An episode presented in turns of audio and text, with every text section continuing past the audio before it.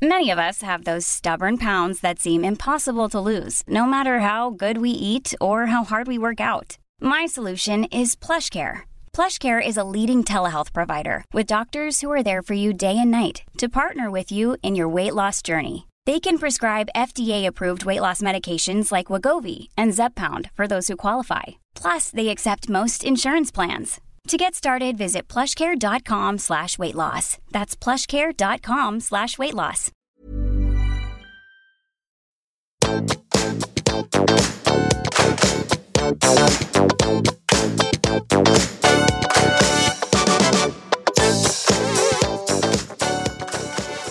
Hallo alle sammen, og velkommen tilbake til podkasten.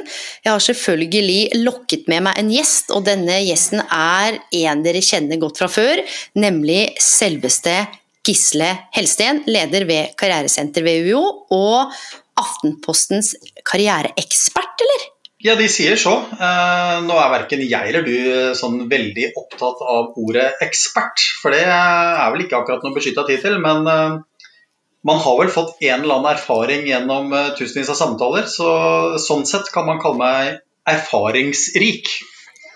Ja, og det er nettopp de felles erfaringene vi har som gjør at vi skal snakke om dette med ufrivillig på hjemme, altså de som er på ufrivillig hjemmekontor i dag, og hvordan man kan finne nye måter å jobbe eller studere på når man sitter der da, og blomstrer og kun skal forholde seg til nærkontakter. Altså hva gjør man når det røyner på?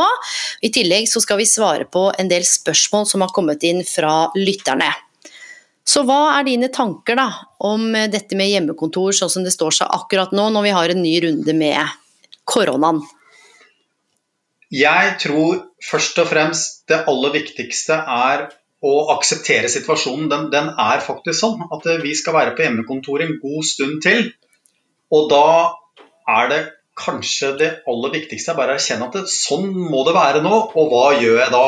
Altså Det går ikke over selv om vi skulle ønske det. Men så er det noen grep man kan ta da, for å, å, leve litt bedre på dette hjemmekontoret enn hva man kanskje ville ha gjort hvis man var på et eh, vanlig kontormiljø. Og Hvilke grep er det du tenker på da? For det skrives jo veldig mye om dette her nå, på godt og vondt, og det diskuteres. Eh, hva er liksom dine tanker, da? Det aller viktigste det tror jeg er å prøve å opprettholde rutiner for å prate med kollegaene dine. Eh, jeg tror det aller viktigste er at eh, en jobb som man gjør hjemmefra, ikke blir for instrumentell og bare oppgavebasert. Jeg tror det er rett og slett viktig å spise digitale lunsjer med kollegaer. Jeg tror det er rett og slett viktig å ha to eller tre kortere møter med kollegaer hvor, hvor man prater om ting. Eh, vise at man fins. For det er noe av det viktigste her i verden det er rett og slett å oppleve, et, uh, oppleve, at man er savnet av andre. Uh, og Det tror jeg fort man kan glemme litt når man sitter der alene, at uh, ingen tenker på meg. Og så er det det. Og det blir enda tydeligere hvis man kommer i Selv om et digitalt rom ikke er det samme, så er det faktisk noe. Men du, nå sa du noe som jeg bet meg merke ved. At det sitter kanskje folk og lytter nå som egentlig føler at ingen savner de. Ja, den var eh, litt sånn aha moment, altså. Eh, og det er jo lett at man eh, sitter i sin egen boble og har mye å gjøre og tenker på sine arbeidsoppgaver. Og vi var jo inne på det, vi snakka jo sammen for en stund tilbake. Dette med å eventuelt kunne ta det første steget selv, da. Mm. Og, plukke opp den telefonen eller sende den meldingen, bare for å ha en løs prat. Det trenger jo ikke være jobbrelatert. Men som du sier, altså det å ha en, en digital lunsj eller en felles bingo eller en Kahoot, eller bare kanskje gjøre noe som er litt sosialt, da gjøre noe som er litt sosialt. Det er det det handler litt om. Eh, og det handler veldig mye om at det kan være lavterskel. Eh, det kan være eh, noe vi gjorde her på jobben min faktisk i går. Da hadde vi et lengre internseminar, så det, der møttes vi jo. Men bare for å bryte opp litt, så hadde vi noen øvelser som vi gjorde i pausene, bare for at det skal være noe som skjer. Og da var det noe så banalt som at man brukte huset sitt til å hente gjenstander, og førstemann tilbake til stolen vant, selvfølgelig. Da er det ikke vanskelig å finne en eh, ja, hva skal vi si for noe, en pose Toro-suppe eller en eh, julegave eller hva enn det måtte gå å finne, bare for at det skal skje noe. Mm. Eh, men det er også ganske fint å vite at den dagen hvor det er kanskje veldig mange møter, eller enda verre, ingen møter, du sitter og skriver hele dagen, så kan du rett og slett ta opp telefonen, og så er det så viktig at man har eh, en eller annen form for sosial interaksjon med andre. Mm. Men du, dette her bringer meg over til to ting. og Det ene er noe jeg har tenkt mye på i det siste. Det er walk and talk-møter. Mm. At jeg og du møtes, og så går vi en tur. Mm. Istedenfor å kjøre Teams. Det, I hvert fall hvis man bor i sånn relativt nær eh, sånn omegn, så er jo det en mulighet. Både til å holde tometeren eller meteren, men også på en måte få seg litt trim. Det er jo sånn en konkret ting også som kan, som kan gjøres hvis det går. Og så så jeg noe interessant som eh, en som hadde skrevet på LinkedIn, hun heter Elin Hauge. Og Da var det snakk om dette med hjemmekontor, og så sier hun nå er det såpass mange introverte og, folk som på en måte har levd i kontorfellesskaper som Nå siterer jeg henne ikke direkte, altså, så dette er litt sånn med modifikasjoner, så beklager hvis du hører dette, da får du rette meg opp. Men at det er kanskje godt for noen å være på hjemmekontor. At det å være i fellesskap på f.eks. åpent landskap, at det er egentlig ikke designa for alle. Det tror jeg denne Elin har helt rett i. Uh, og så er jo jeg vet du, jeg er utdanna statsviter og veldig glad i statistikk og sånn.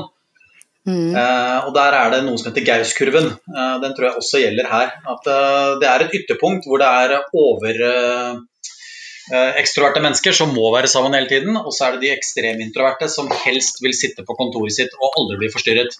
Og De mm. to gruppene tror jeg utgjør til sammen 5 uh, Og så er det de 95 mm. andre som har ulike behov for interaksjon. Men jeg tror uh, Vi leste jo om det. Uh, du kan gå tilbake i avisene og så kan du se hva som ble skrevet bl.a. av Telenor, blant annet, mener jeg. At nå skal vi aldri mer ha oppmøte og kontor til alle skal på, hjemme, på hjemmekontor. Jeg tror det går ganske fort over. Fordi det er så mye energi man henter eh, ved å være sammen med andre. Det er så lett å kunne stille et spørsmål over en kaffekopp som man ikke må på en måte ringe til. Da. Så jeg tror jo at eh, ja, noen trives nok ekstremt godt på hjemmekontor, men jeg tror at vi ikke skal tilbake til det gamle. Men vi skal tilbake til en hybridmodell eh, hvor det er noe hjemmekontor, og det er mer aksept for det i Norge enn det var før eh, korona. Men så skal vi også for all del tilbake til de i hvert fall mesteparten av oss synes, det er hyggelig å være sammen med kollegaene sine. Ja, og, jeg skal si at jeg er jo litt over snittet ekstrovert. altså Jeg må ikke være sammen med folk hele tida, men jeg henter masse energi. Og jeg siden mars har liksom, si, klart meg ganske bra. Samboeren er hjemmekontor, sønnen vår er i barnehagen, så jeg kommer meg ut på morgenen og leverer. Jeg henter han, og så er vi ute og leker. Jeg har jo ikke klemt foreldrene mine siden 10. mars, og jeg har heller knapt sett noen av vennene mine. Og det begynte jeg helt ærlig, det begynte jeg å kjenne nå for noen dager siden, at nå begynner det å bli litt i overkant. Og det, ja, men jeg er ganske sånn, kan jobbe med hodet, kan håndtere følelsene mine. ikke sant? Jeg har jobba mye med dette her i mange år i kraft av det jeg holder på med i, i sånn karrieren min. Men da kjente jeg jeg hadde en dag det bare var jævla dritt. Altså, jeg var møkk lei, og så tenker jeg men det har jeg egentlig ikke lov til å ha, fordi jeg bor i Norge, og vi har jo et Nav, og vi har jo politikere som er sånn ok til å stole på, og jeg er jo egentlig veldig heldig stilt. Men allikevel så tenker jeg at vet du, Arlene, det er lov til å kjenne litt på det. At du ikke har klemt foreldrene dine, eller sett egentlig noen av de du er sånn kjempeglad i på veldig lenge, annet enn på det digitale. Da. Det er noe med den nærheten og de tingene man kan fange opp av kroppsspråk og den, det fysiske nære. da som for meg, som jeg kjenner at det nå, nå oh. Og så gikk det jo over, men, men, det ligger der litt mer nå, og litt, tynger litt mer enn det det gjorde før, altså. Det kan jeg skrive under på. Og så er det, det er noen perspektiver som glemmes litt i denne hjemmekontortiden. Og det er jo at man tar utgangspunkt i at det er eh, ja, Det var det Bratten som kalte det for eh, hjemmekontoradelen. Eh, men den adelen den er virkelig delt i mange grupper. Altså, for det, det, finnes familier som lever på to rom og er oppå hverandre og sitter og hører på samboerens eller den ektefellens jobbprat. Og det er, jo en annen side hvor man får fram noe som man kanskje ikke kjenner. Og det som mm. kanskje er aller mest uh, flaut, da, eller kanskje til og med tabubelagt, det er å si at man kan bli litt drittlei egen familie også. Uh, Av og til kan det bare være godt å se noe annet. altså Bare ut av dette. Jeg, jeg trenger impulser uh, for å kunne puste og ånde. Og Derfor så tror jeg ikke det er et dårlig råd til de som sitter på hjemmekontor nå. Det er virkelig lov å gå seg ut en tur og ta og strekke på beina. For det første så får du luft, for det andre så får du beveget deg, og for det tredje så kommer du deg litt vekk fra heimen din. Mm. Og høydepunktet til samboeren min, vet du hva det er? Det er å gå på Kiwi. Han er sånn ja, men du jeg går og handler alene, så sier jeg men jeg kan ta det. Nei, jeg, jeg, jeg tar det, jeg tar det. Og så er han gjerne borte en time. Ja. Og da har han kjørt litt bil, eller så har han kanskje gått til Kiwi, surra litt, kanskje litt ekstra inn i butikken, har jo på munnbind og alt av, av covid-regler. Men bare det der å komme seg ut på noe så banalt som man egentlig tar for gitt som å gå i butikken, det er per nå, altså i tillegg til at han fortsatt er i jobb, da, fordi lederen hans har mista jobben, og et par av kollegaene hans, så det er noen tøffe runder der, han jobber i et stort selskap, så er det det å gå på Kiwi. Det er ganske fascinerende. Ja, det sier jo kanskje noe om eh, vårt behov for å være sosiale. Det, det tror jeg er en ganske utbredt eh, greie blant folk. Men det som er litt farlig med hjemmekontor, og det, det tror jeg det er noe alle kan gjøre noe med, i hvert fall de aller fleste, det er å være veldig tydelig på når du er på jobb og når du ikke er på jobb. Jeg tror det er eh, i hvert fall vi som bor sammen med noen, eller eventuelt har barn. Eh, rydd bort eh, det du har som pult, få PC-en din langt unna, eh, få fram eh, tilbake til hjemfølelsen også. Fordi Det er jo lett å bare bli sittende på den PC-en, det er kanskje fristende å ikke rydde den bort osv., men det gjelder å få disse rutiner. Når er du på jobb? Og enda viktigere enn før, få bort disse duppedittene som stjeler tiden din. Fordi mm. det, det er en situasjon vi skal leve i lenge, dette her, og det gjelder å finne den balansen. Ja, og dette er også noe før koronaen inntraff, når vi snakker om jobbsøk og folk som hadde kanskje vært ledige en stund og satt hjemme og surra, så sa jo det altså kom deg ut, finn deg et kontor på biblioteket. Lag deg en ukesplan, gå ut på biblioteket, jobb aktivt med jobbsøk fra ti til to, og så går du hjem og så har du litt fri. Og det har vært et sånt viktig skille som jeg liksom har stått eh, inne for veldig lenge, at man må forsøke å differensiere mellom eh, følelsen av hva som foregår, og nå blander man jo på en måte jobb og hjemmefølelser, nettopp fordi man sitter hjemme, mens før så kunne man jo sette seg på en kafé, eller det kan man jo enda da, eller i hvert fall komme seg ut av huset og ikke dra med seg kanskje noen av de utfordrende emosjonene man har, da, som jobbsøker f.eks. Og så kommer barn og kone hjem, og så har du kanskje akkurat fått et avslag, og så sitter du der med PC-en og surrer på Finn. Så jeg tror det du beskriver der er kjempeviktig, at man lager seg enten soner i huset, eller som du sier, bare rydder. Få det bort, og da er, er kontoret stengt. Kontoret er stengt, eh, og det skal det være. Det er eh, selvfølgelig noen stillinger hvor man skal være tilgjengelig, men det er de færreste. Altså. Og jeg, jeg, vil nesten sette mer fokus på dette her med å sette seg ned og lage kanskje en liten liste det til lytterne dine i dag. og så Finne ut en liten liste på hva er det du kan gjøre nå fram til jul som gjør at du får en annen interaksjon med kollegaene dine hvis du savner det. Og så er det ikke slik at alle må være med. Det er ikke slik at det er forventes at alle kan ta en digital lunsj eller kan være med på en eller annen quiz eller uh, se på et eller annet på uh, Hva skal det være, da? Uh, dele en bokanmeldelse eller hva enn man gjør. Så kanskje noen blir med. Kanskje noen ikke tør å ta det der første skrittet for å være den som er initiativtakeren. Og det er alltid slik. Noen må ta det første skrittet. Ikke vær redd for å invitere til det. Nei, og du, det her bringer oss over til, Vi har, det har kommet inn en del spørsmål. for Jeg stilte nettopp noen spørsmål rundt dette her, og det var egentlig ganske åpent. og Da er det en som skriver Jeg er student og går første året på, på masteren. Eh, akkurat nå sitter jeg jo hjemme, det er jo ikke noe skole, det går digitalt. Jeg veit ikke om det er skole eller selve situasjonen, men jeg føler at jeg er lei og vurderer å hoppe av skolen. Hvordan veit jeg om det er skolen i seg sjøl og fagene og det jeg gjør, eller om det faktisk er selve situasjonen? Hjelp! For et uh, stort og modig. modig. og ikke minst uh, hva skal vi si, trist spørsmål. For jeg tror vedkommende er den uh, båten sammen med veldig mange andre. og det som er noe av det aller kjipeste for den generasjonen vi snart kan kalle koronagenerasjon, altså de som gikk glipp av russetida, de som gikk glipp av semesterstart, de som egentlig har gått glipp av hva høyere utdanning er. altså Er det skolen, eller er det situasjonen, eller hva er det for noe? Og jeg tror du kan slappe helt av vedkommende som stilte det spørsmålet og sier det finnes ikke noe universelt svar på, men det aller viktigste er at du tar kontakt med noen som kan hjelpe deg litt med det svaret. Eh, og der er det ganske mange som kan bistå deg. Eh, og det er vel det aller første. Ring til noen og still det spørsmålet. Hva er greia?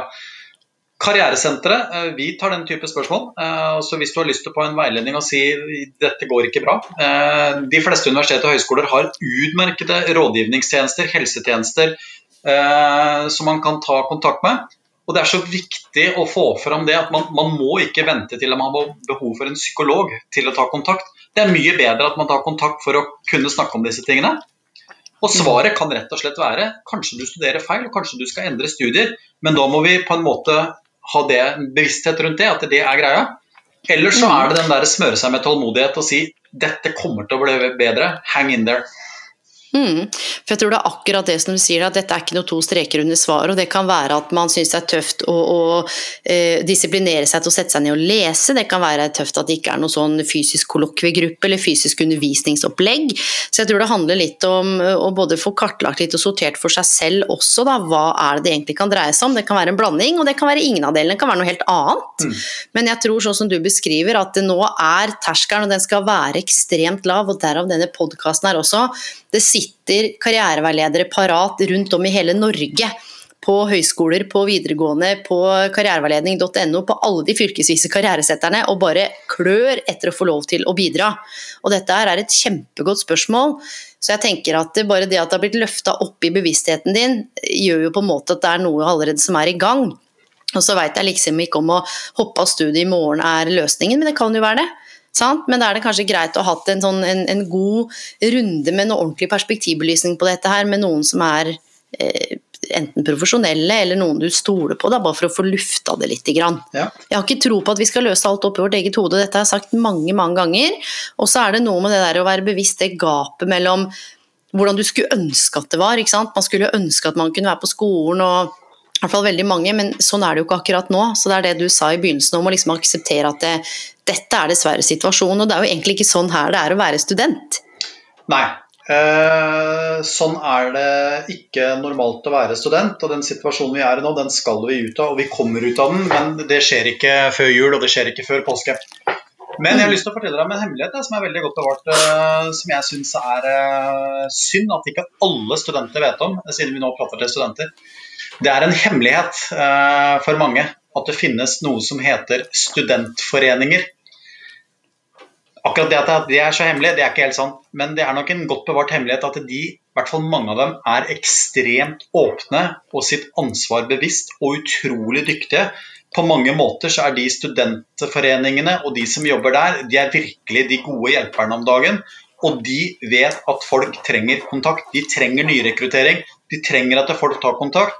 Så derfor er det et supertips til alle studenter som sitter og nå har det ganske kjipt. Gå på lærestedet ditt og se hva slags studentforeninger som finnes, og se hvem det er som har lyst til å få kontakt. Fordi det er eh, rett og slett eh, den beste medisinen jeg vet om. Det er når studenter hjelper studenter. Eh, studenter lager arenaer for andre studenter. Så kan man gå litt sånn utenom sånne som oss, da, Elaine, hvor vi må, må, komme til en time og der rådgivningen er veldig alvorlig og sånn. Så finnes det mange veier til mål, men studentforening er gull. Men du, det er ikke så alvorlig hos oss, Fille Gisle? Nei, er, eller, er du så, eller, er du dritalvorlig? Det er dritalvorlig. Det er skikkelig Dritalvorlig. Nei, jeg er ikke det. Men problemet er, ja, da, problemet er at eh, det er noe som Mange tror at det er veldig alvorlig. Ja, det er noe som heter en... Og det er det jo, for folk opplever jo at sine ting er alvorlig, men jeg tror at eh, der har jo vi og flere karriereledere en gave hvor vi bjuda litt på, og så lager vi på en måte en arena hvor det er et godt sånn trygt samarbeidsklima. Hvor vi får ting på bordet, så ser vi hva vi liksom kan få til. Det er jo det som er utgangspunktet. Ja, men så er det noe med dette her med, med hva folk tror, og hva som er virkeligheten. Eh, og jeg tror nok at mange syns det er en litt alvorlig sak å gå til en karriereveileder. Eh, og hvis det er noen som tror det er en alvorlig sak til, å gå til en karriereveileder, så sier jeg nei, det er ikke det. Det er veldig lite alvorlig. Det er, det det Riktignok så er det en samtale som forblir mellom oss. Vi prater ikke om det til noen, men alvorlig er det ikke. Eh, og det er veldig naturlig å prate om hva du skal bruke resten av livet til. Altså, det er ikke noe hokus pokus ved det. Og det som er så fint med å møte sånne som oss, og det tør jeg faktisk si, det er at vi er ganske hyggelige, trivelige mennesker som vil deg vel. Eh, som ikke gir deg masse råd om hva du bør gjøre. Så nei, jeg tror det er en ganske hyggelig opplevelse å komme til oss. Jeg er helt enig, og det tenker jeg er litt viktig å få fram òg. Det er nettopp det gapet mellom hva tenker folk at karriereveiledning er, og hva er det egentlig. Og nå er det jo selvfølgelig forskjellige karriereveiledere. Det finnes sikkert noen veldig alvorlige karriereveiledere der ute, og så finnes det noen morsomme og noen rare. Så det er bare så det er sagt. Men du, det er kommet inn et spørsmål til, og det er en som sier hei, jeg studerer på tredje året høyere utdanning. Jeg må ærlig innrømme at digital undervisning funker ikke. Jeg detter av og blir passiv, så jeg ender opp med å sitte og se på TV mens undervisningen går. Eh, føler jeg går glipp av mye. Har du noen refleksjoner eller tanker? Ja, eh, igjen tilbake til eh, de kanalene vi har. Eh, og det er jo Zoom da, som er det mest brukte, i hvert fall på Universitetet i Oslo. Og, og, det er jo ikke en veldig sånn åpen og inkluderende kanal. Man sitter der med litt sånn uh, kamera skrudd av med et navn under og lyden på mute. Altså, det er jo ikke akkurat et sjarmtroll, dette Zoom-dyret. Men så kan man gjøre det beste ut av situasjonen. Uh, og jeg tror da, hvis det er mulig, og det tror jeg det kanskje vil være for en som går på tredje året, det er å på en måte kvinne seg opp, manne seg opp til å være med på de, være med på de forelesningene.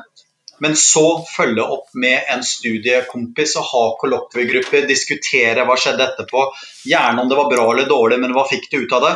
Slik at det ikke bare blir den saken der. Og Det henger sammen med det første jeg sa i dag, Elaine. Det, er, det handler om å bli savnet. Og Hvis du har en kollokviegruppe som skal diskutere forelesningen, så vil noen vente på deg. De vil ha dine perspektiver og refleksjoner. Så det don't do it by yourself. Uh, gå sammen med noen andre. Mm. Nydelig. Uh, vi har også et annet spørsmål her, og det er Det starter med Hei, uh, vet ikke egentlig om jeg skal spørre om dette her, fordi jeg er i jobb, og jeg vet at det er mange som ikke er i jobb, men jeg vurderer å slutte jobben.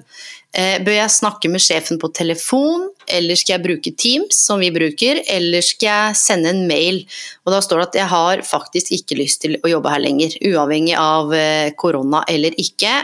Jeg skal si opp. Hva gjør jeg nå? Ja, det er jo ikke et uvanlig spørsmål, det. Uh, og jeg syns det er dønn ærlig spørsmål. Og så er det tilbake til denne skalaen din. Altså, hvor viktig er det å slutte fort? Er på en skala fra 1 til 10, begynn med det. Altså, er det uutholdelig å være der? Altså, dette blir du syk av, si opp. Altså, kom deg ut. Vi skal ikke være steder hvor vi blir syke. Men så pleier jeg å være litt sånn uh, opptatt av denne her plan B og prosess. Altså, ok, La oss si at du sier opp, da. Hva skjer da? Eh, har du en jobb å gå til? Eh, har du økonomi til å stå i det? Har du tenkt på lånet ditt og alle disse litt sånn kjedelige, trivielle sakene? Så det går jo an, hvis mulig, at man bare er på en femmer i sluttmodus. At man legger en plan, at man har en idé, at man begynner å ta kontakt med andre arbeidsgivere før man virkelig setter i gang. Og så er det plan C. og Den kan være individuell, eh, men det kan også tenkes at sjefen din faktisk ikke aner at du mistrives. Det kan hende at det er mulig i en samtale med sjefen din å få sagt jeg vil gjøre andre ting, jeg trives ikke her, finnes det andre muligheter internt i sjappa? Så kan det hende at det er det største overraskelsen den sjefen har fått, og sagt ja, selvfølgelig. Så det kommer litt sånn an på eh, hva er det som er situasjonen. Og til hun som stiller spørsmål, har jeg bare ett råd. Prat med en nøytral tredjepart, gjerne karriereveileder, for å lage en prosess så kan vi finne ut om du skal ringe Teams, uh, Zoomes eller hva du skal gjøre av prosess. Ja, og samtidig så tenker jeg sånn, Sett at man vurderer å slutte, da, så skal jeg høre hva du tenker, Gisle. Det er jo ikke sånn at det ikke er lov til å søke andre jobber selv om man er i jobb. Det er veldig lov å være litt Du har jo ikke noe rapporteringsplikt hvor du må si sånn Kjære sjef, nå har bare så du veit det, heads up, nå har jeg søkt på en annen jobb.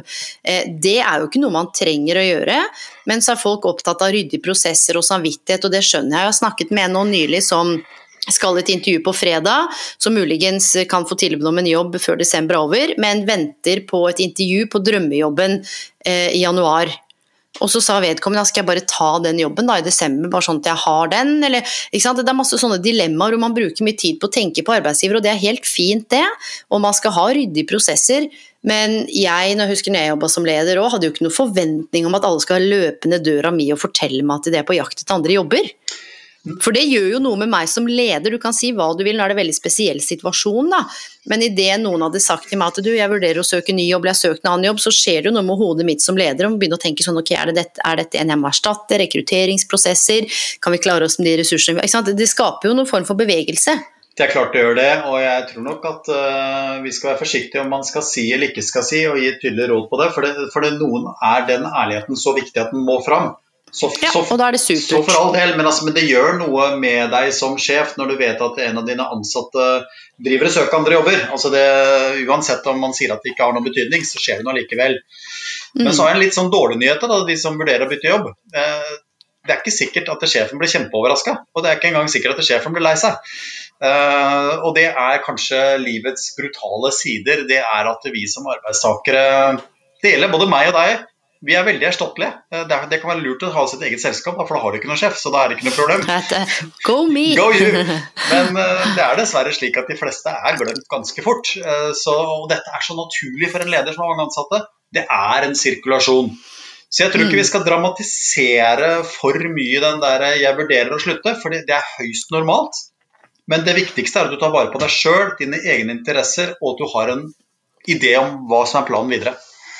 Ja, og det var det jeg var litt ute etter òg, at det er du som på en måte skal leve livet ditt, og det er du som skal stå i din karriere. Og det å stå i karrieren din pga. sjefen din eller selskapet kan sikkert være ålreit i en periode hvis det er et eller annet som kommer down the line som du gleder deg til, eller Men det å på en måte stå i noe hvor man kjenner at dette er ikke bærekraftig lenger, mm. Og samtidig har gjort seg noen tanker altså Det er som jeg har sagt i en tidligere podkast, jeg sa jo bare opp en lederstilling i 2016 og reiste jorda rundt og starta Project Bloom, men jeg hadde midlene til det, jeg hadde ikke noe barn, jeg hadde bare meg selv å ta ansvar for. Men som karriereveileder så ville jeg aldri gitt noen det som råd og sagt vet du, bare si opp, du bare hopp ut i det, fordi det er jo ikke mitt liv. Så det er nettopp det å se på hvor er du selv i forhold til dine forutsetninger. Men jeg har lyst til å påpeke det at det er ikke noe lov som sier at sjefen din skal informeres om dette her. Men kjenner du på den redeligheten, så, så gjør det som føles riktig, og så får man ta det som kommer, da. Ja. Og så tror jeg noe av det viktigste man kan uh, gjøre for seg selv, det er å definere en situasjon som gir deg selv mest energi. Og med det så mener jeg at det finnes mange måter å slutte på. Altså, jeg er så heldig at jeg har en jobb hvor det jobber masse studenter hos meg. Eh, og de skal jo slutte når de er ferdig med mastergraden sin, og det, det sånn skal det være. Men noen av de studentene jeg har hatt ganske mange opp gjennom åra, sier opp stillingen sin i februar for at de må ha press for seg eh, for å komme i gang. Altså, de, de klarer ikke å gjøre noe hvis de ikke får det presset. Mens andre ikke rører en millimeter eh, av det å slutte jobben før den andre kontrakten er signa og skrevet. Vi er så forskjellige, så derfor stiller jeg selv spørsmålet under hva slags press og hva slags trygghet liker jeg å jobbe? Hva er det som gjør at jeg kommer i actionmodus og får gjort den jobben som må til? Og Der er vi forskjellige, og ingen veier til mål er mer riktig enn den andre.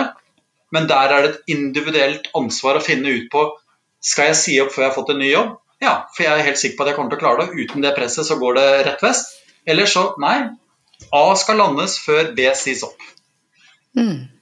Og Det bringer oss faktisk over til det neste spørsmålet som står Jeg er i jobbsøkerprosess, høyere utdanning, fem år, mastergrad. Hvordan er egentlig arbeidsmarkedet nå? Kan du si noen ting om det generelt? Ja, det, det tror jeg at jeg kan uten å sitte på sånn helt eksakt statistikk, eh, men jeg kan si at arbeidsmarkedet nå er det, er det er, vanskeligere enn det var før. Eh, det er, eh, det er, færre jobber å søke på. Men så har jeg lyst til å alltid få med det ekstremt viktige mennet. Det er på ingen måte stengte dører i Norge. Offentlig sektor går så det suser.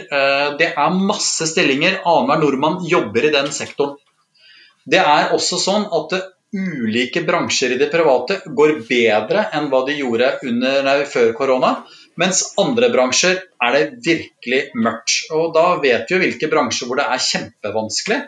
F.eks. det å få jobb i en restaurant nå, det er ikke så lett. For de har veldig mye nedstengninger. Det å få jobb på, som PT i Oslo i desember, det tror jeg kan være utfordrende. Fordi det er så mange nedstengte treningssentre. Men mm. alle disse tingene vil gå over på sikt. Det aller viktigste det er at du ser dette som en konkurranse som det er litt hardere å vinne enn i før, men det er fortsatt mulig. Og Det kommer også nå helt an på hvor gode forberedelser har du gjort, hvor mye vil du dette, Hvor mye har du lagt i arbeid i CV og søknad og intervju? Og det viktigste av alt, hvis du gir opp, så er det ingen sjanse. Men hvis du bretter opp ermene og tar den fighten som er nå, så er det mitt store budskap ut til alle som hører på. Det er jobber å søke på i Norge. Mm. Og én ting er liksom de jobbene som ligger ute. Jeg hadde et foredrag her for to måneder siden, og da var det en svær bedrift som hadde blitt nedbemanna. Det var vel 300 stykker som var på, og da tok jeg bare sånn kjapp søk søk i Agder, da, regionen Agder.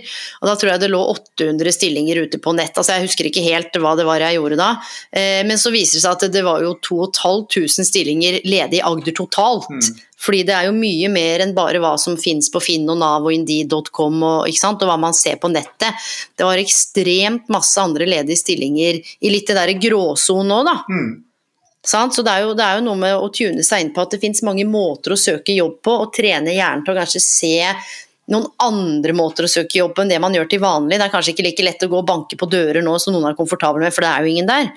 Eh, Men dette med video-CV, eller er det, no, er det, noen andre ting man kan gjøre eh, ved å benytte seg av nettverk, eller noen andre innfallsvinkler, da, nå som man sitter her hjemme og blomstrer på hjemmekontoret? Ja, altså LinkedIn er jo fortsatt en uh, genial profil uh, og portal som det går an å benytte. Den var jo like digital før korona også. Uh, og la oss si at din første kontakt med arbeidsgiver ikke er en, en jobb, men det er rett og slett å etablere en relasjon. Det er å tilby seg å ha en digital presentasjon av masteroppgave for et relevant bedrift og et relevant tema. Eh, det er å være på hugget i disse diskusjonsgruppene, å være med å diskutere, dele og være aktiv og på en måte brande seg selv litt. Det, det kan man absolutt gjøre på LinkedIn. Men du spurte litt om statistikk om hvordan jobbmarkedet er. og Jeg, jeg har i hvert fall én veldig god indikator på at det ikke er så aller verst. og det er jo at Karrieresenteret vi la jo om til digitalbruk eh, da covid kom i mars. Og vi har ikke hatt noen nedgang i antall studenter som kommer til oss med søknader de ønsker vurdert, med antall intervjuer de skal på osv. Så, videre. så vi ser at det, det er treigere. Kanskje det ikke er full så fart som det var før korona. Men allikevel, det er masse stillinger å søke på. Og det, og det, tenker jeg er litt sånn godt å høre, fordi den narrativen, på sånn, ikke på systemnivå, men som så mange som tar kontakt med meg, da er det liksom at det arbeidsmarkedet det er dritvanskelig og ting er helt mørkt. Mm. Men det handler jo litt om hvilke briller man har på seg, da. Ja. Og det tenker jeg er litt sånn key takeaway, at det handler en del om tankesett og litt hvordan man ser på verden, og ikke minst hva er det man hører og leser og, og får med seg som på en måte går inn i hode og sjel som på en måte er av negativ kaliber, hvordan påvirker det deg, og, og, hva er det på en måte du kan gjøre selv eller ta med deg som på en måte kan gi håp og fremtidstro? da? Ja, det, det, det er kjempeviktig. Og så lever vi i en verden med ekstremt mye informasjon. Og så tror jeg vi skal ta dette her med jobbmarkedet. Jobbmarkedet, når det er dårlig, eller dårligere, eller færre jobber, så er det good news for avisene å selge. Altså det, det, det selger som Bare få det fram, vis det fram. Og Det betyr ikke at det er sant selv om det står i avisen. Selv om det er dårligere enn før, så kan man se på en kurve. Det har gått ned, men ikke ned i kjelleren. Og det andre så ser vi jo det at det er folk ute og kommenterer arbeidsmarkedet som også har en agenda for å si at ting er vanskelig. Nettopp fordi det er så mye mer enn akkurat arbeidstaker og arbeidsgiver i dette spillet. Det handler om mm, mm. kompensasjoner, det handler om støtte, det handler om det meste. Yes. Slik at de har et eget hva skal vi si, egen agenda, egen agenda for å få fram yes. det perspektivet. Nettopp. Og Derfor så er det vanskelig å sitte der og være mottaker av informasjon og allikevel være sterk i trua. Selv om alt er noe negativt i mediebildet, så er det en plass til meg. Jeg skal mm. klare det. Mm. Hvis ikke dere ble inspirerte og, motiverte, inspirerte og motiverte nå, da veit jeg ikke, ass. Gisle, dette er helt nydelig. Vi fortsetter av noen spørsmål til. Er du klar? Ja. En som skriver 'Hallo, Elaine og Gisle. Digger dere?' Takk, takk. Digger deg òg. Eh, nå snakker jeg for deg, Gisle. Takk for spørsmål. Er i oppsigelsesfasen. Jeg har sagt opp selv, og jeg skal jobbe ut desember, men jeg starter en ny jobb i januar. Altså, glad for at jeg har fått jobb. Ja, så står det en del ting innimellom der. Helt ærlig så er jeg så jævlig lei i jobben jeg har nå, og jeg begynner å bli sliten av den jobben jeg har nå, og jeg har lyst til å starte på friskt i januar. Eh, kan jeg sykemelde meg, eller hva skal jeg gjøre nå for å sørge for at jeg starter i januar med overskudd?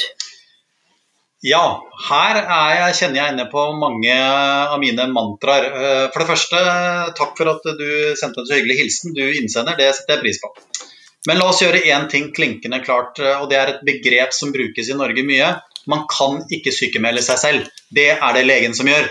Eh, og man må faktisk være syk for å være sykemeldt. Så jeg vil ikke anbefale noen å tenke de tankene at det er en easy way out. Nummer to du skal være nå i en situasjon i tre-fire uker til. Og da vil jeg tilbake til perspektivet. Blir du syk, er det, er det alvorlig å være der, så har du også en sykemeldingshistorie å fortelle til legen din. Men hvis du bare er drittlei, sjefen er en tulling og oppgavene slites, så tror jeg faktisk at det kan være nyttig å prøve å finne den energien til å bare stå i det. Fordi du skal ta med deg den historien resten eh, av ditt liv og vite jeg tok overgangen på strak arm. Det var ikke gøy å stå der, men jeg gjorde det som var forventet av meg. Jeg oppførte meg skikkelig.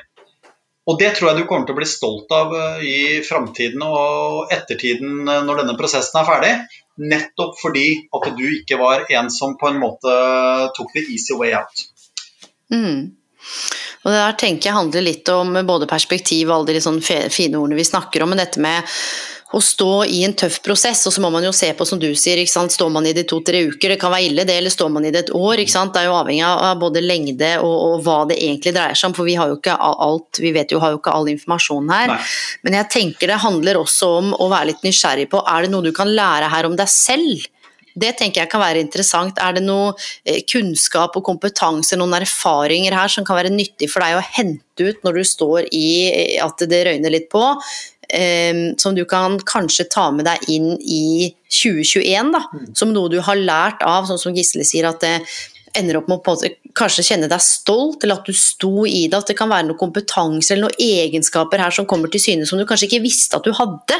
Kanskje det er å være utholden eller å være kreativ, eh, kanskje du kan dele opp jobbdagen på en annen måte, er det noe du kan delegere? altså se etter kreative løsninger. Mm. Og kanskje kreativitet blir en egenskap, en sånn signaturstyrke som blir kultivert gjennom å stå i dette her, da. Mm. Ja, for eksempel. Ja, og tilbake til det med sykemeldingen. Altså for all del, alle kjære lyttere. altså Sykemeldinger er til for at de skal brukes når det er nødvendig. Mm. Og er man i en situasjon hvor dette her går på helsa løs, så skal man ta kontakt med fastlegen sin og diskutere situasjonen med helsepersonell, og ikke med sånne som meg og deg. Eller det, det passer seg dårlig. For vi kan ikke nok om uh, det uh, sykdomsbildet, vi er ikke utdanna til det.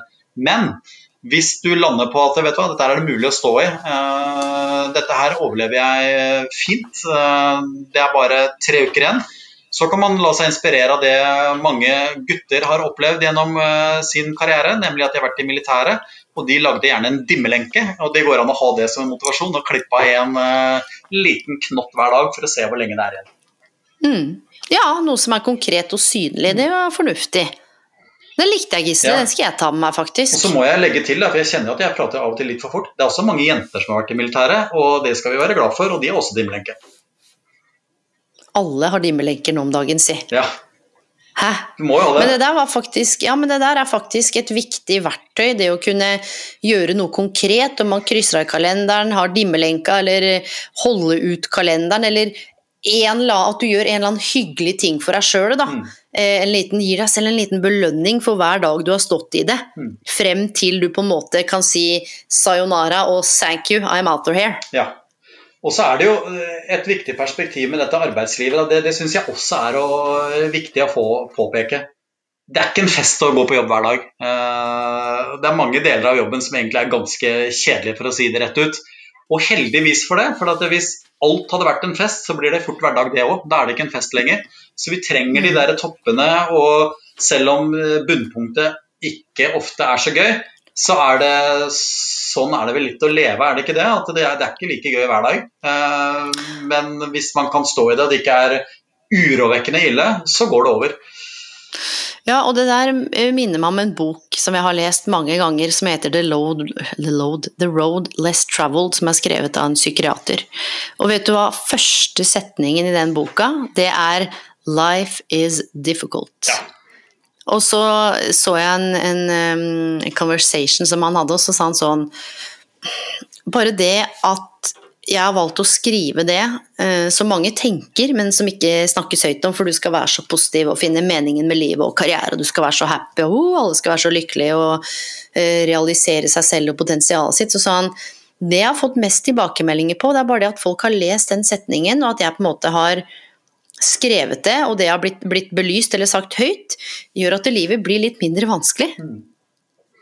Og det for meg fant jeg veldig, veldig fascinerende, fordi det er ikke bare rosa potetgull og blomster og skyer og rainbows. Altså det er, og spesielt for mange nå i den tiden her òg, det er brutalt. Og vi har jo aldri noen sånne quick fixes eller bare gjør det, så fikser livet ditt seg, og bare si det. Men akkurat den setningen her, den tenkte jeg på spesielt når jeg beskrev den dagen som bare var så jævla dritt. Så tenkte jeg bare at livet er vanskelig, det får jeg bare akseptere. I dag så er det sånn, og det byr på noen andre følelser.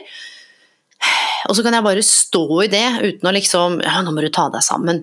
Men at det er greit å ha disse følelsene her også, da. Ja, det er det. Og det du er inne på der altså Nå skal jeg ikke komme inn med for mye fjas om fotball, men uh, du vet jo det at jeg er relativt interessert i fotball. Og nå får jeg sikkert uh, Nå er det kanskje ikke like mange som digger meg når jeg sier at jeg heier på et spesielt lag.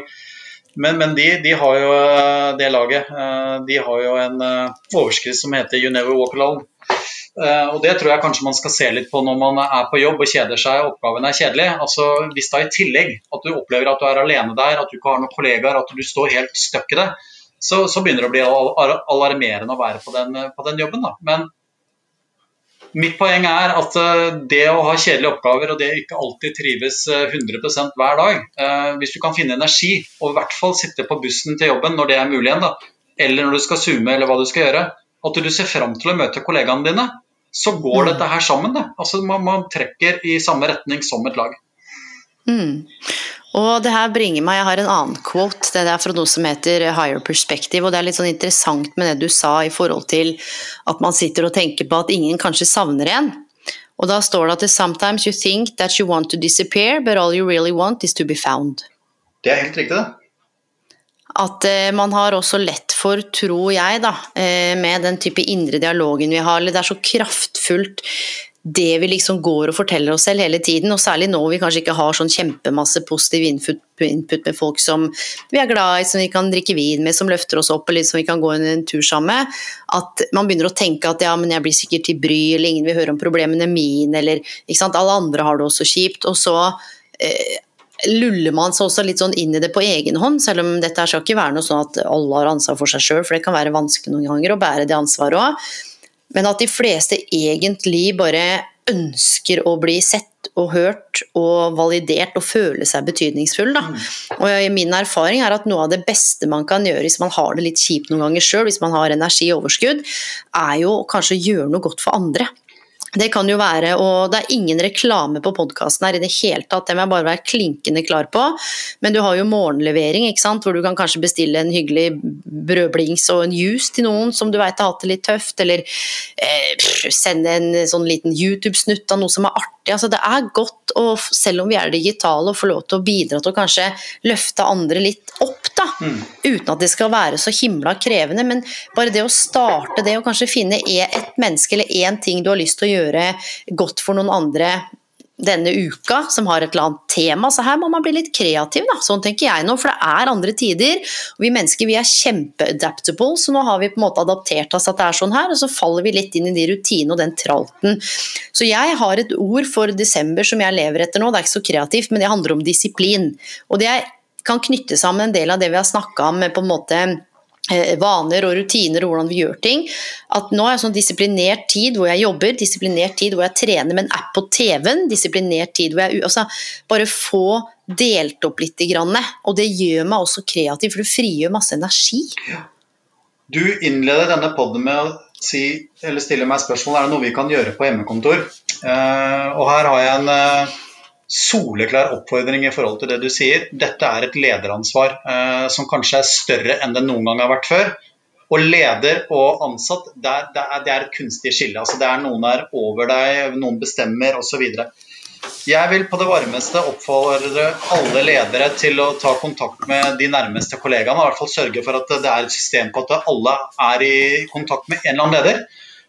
Fordi Zoom, Teams, disse digitale plattformene de er så instrumentelle. Og hvis hver eneste samtale du har med dine kollegaer handler om jobb, handler om noe konkret, handler om noe instrumentelt, så blir det en avstand mye kortere. For da mister du den der kaffegreia hvor du kanskje spør hvordan går det med ungene dine, hørte den skulle på juleavslutning, hvordan gikk det på prøven. Alle disse utenom eh, de er det enda viktigere å ta opp nå. og rett og slett ta opp telefonen, ta opp eh, Teams eller Zoom og ta kontakt med en kollega. og Bare si 'hallo, jeg har ingen agenda', bare 'hvordan går det'?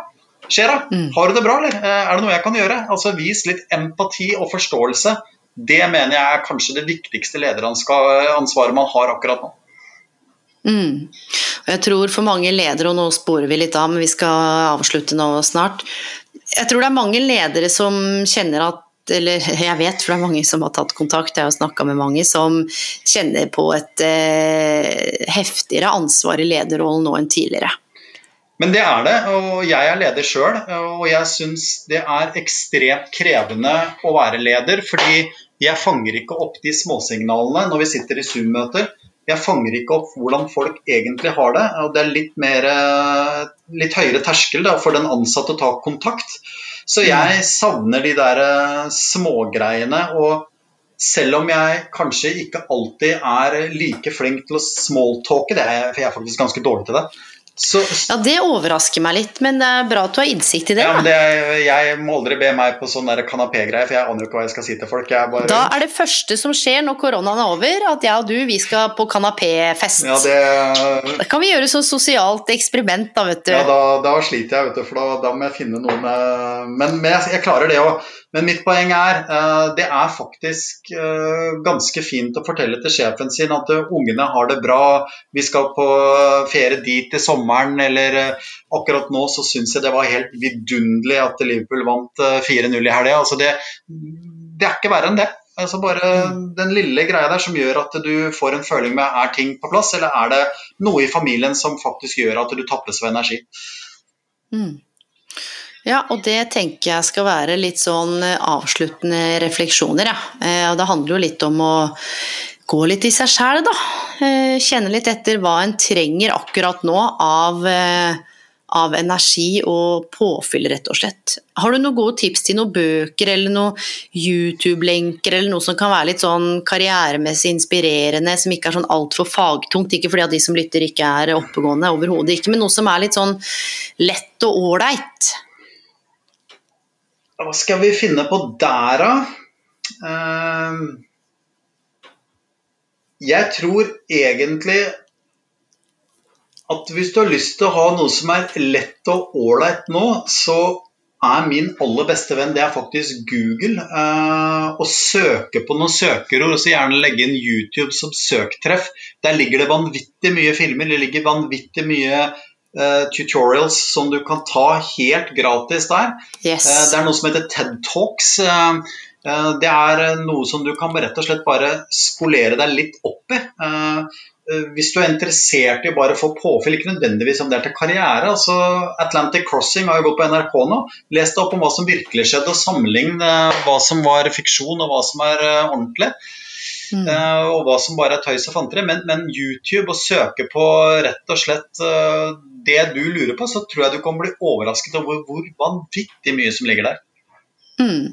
Det var akkurat det jeg skulle si. Og YouTube, TED Talks, altså er det noe som inspirerer deg? Strikking, sang, eh, som du sier, det trenger ikke være karriere, men bare det er lov til å gi seg selv litt sånn input. Og jeg har en sånn guilty pleasure, da, og det er liksom The Voice USA.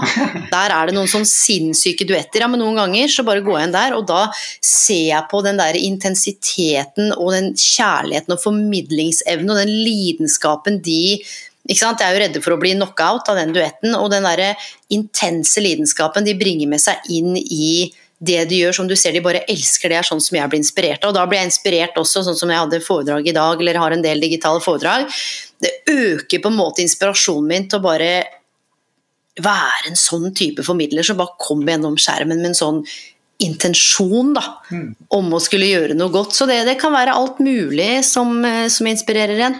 Ja, og den inspirasjonen der, eh, vet du hva, den har jeg lyst til å ta med inn til eh, ingressen i dag. Hva kan du gjøre for å overleve på hjemmekontor? Er det én ting vi bruker for mye tid på nå, så er det oss selv. Eh, og det å kunne dele interesser. altså Er det noen som har en Netflix-serie å anbefale? Er det noen som har hørt noen podkaster? Altså bare ha et lite møte med kollegaene dine for å få opp hva er det de har sett på, hva er det de har lyttet til. Så får man vite mm. litt om interessene deres. Men også får man impulser på hva man kan gå og se på selv, og kanskje til og med diskutere det. Og når du da skal ta en liten halvtime fri fra jobben, så kan du sette på en kul podkast. Øh, jeg f.eks. har jo kost meg halvt i hjel denne høsten med Trump mot verden. Syns jo det har vært en helt genial podkast å lytte til som passer mm. jovialt og passer seriøst samtidig i en veldig alvorlig setting. Eh, men det får jo bli opp til hver og en, det er hva de liker. Mm. Ja, også jeg ser av og til på The Office US bare for å le litt, for det handler jo om folk som jobber i paper industry.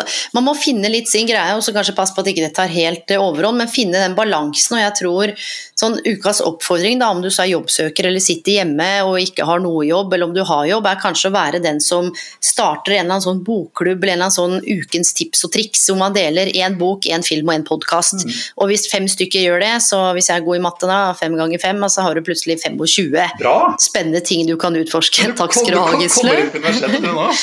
Fy fader, altså. Gisle, tusen takk for at du eh, satte av tid til å en ikke så alvorlig, men litt alvorlig prat, som vi håper kan være med å bidra til glede og inspirasjon og noen nyttige eh, refleksjoner. Det satte jeg stor pris på. Og godt å se deg igjen. Like så til deg, og igjen takk for at jeg får lov til å være med og være husnisse hos deg. Det setter jeg veldig pris på. Og så er det jo slik at uh, dette er bare én podkast, og den går over. Uh, og Det betyr at vi må være flinke til å signalisere hva gjør jeg nå. Uh, og Der er det bare å ta kontakt med folk, ikke være redd for det. Uh, vi har mm. ennå ikke fått det spørsmålet som er så dumt at vi ikke kan svare på det. det kan hende at vi ikke har svaret. Det, det, kan godt tenkes, men vi avviser absolutt ingen. og min jobb er faktisk å prate med mennesker. Mm. Og Gisle, for de som lytter, da, hvor er det vi kan finne deg eller finne ut mer om det du holder på med, eller der du jobber? Hvor går jeg da? Da søker du på dette berømte Google-stedet på Karrieresenteret ved Universitetet i Oslo. Eller så kan du rett og slett bare skrive karrieresenteret.dnuniversitetet eh, eh du selv studerer. Og så har jeg lyst til å slå et kjempeslag for en litt godt bevart hemmelighet, tror jeg. Og det er de fylkesvise karrieresentrene som gjør at alle kan få tilgang til en karriereveileder helt gratis. Her mm. er det um, Googles magi. Eh, det er bare å kjøre på. Mm. Mm, mm, mm. Fantastisk, eh, Gisle. Tusen takk for at du stilte opp. Jeg håper vi ses, vi ses jo digitalt, så ikke folk misforstår, liksom. Vi sitter jo ikke akkurat ved siden av hverandre, men vi ser hverandre på en lita skjerm. Det gjør vi. Takk for nå, Gisle. Det var Enlightening. Vi eh, snakkes og ses, håper jeg, om ikke så altfor lenge. God jul til alle lytterne der ute. Ja, fra Gisle. Ikke god jul fra meg enda, Nei. men eh, god jul fra Gisle. Ja, jeg kommer ikke igjen på denne sida, altså. Nei. Nei. Nei. Ha det godt.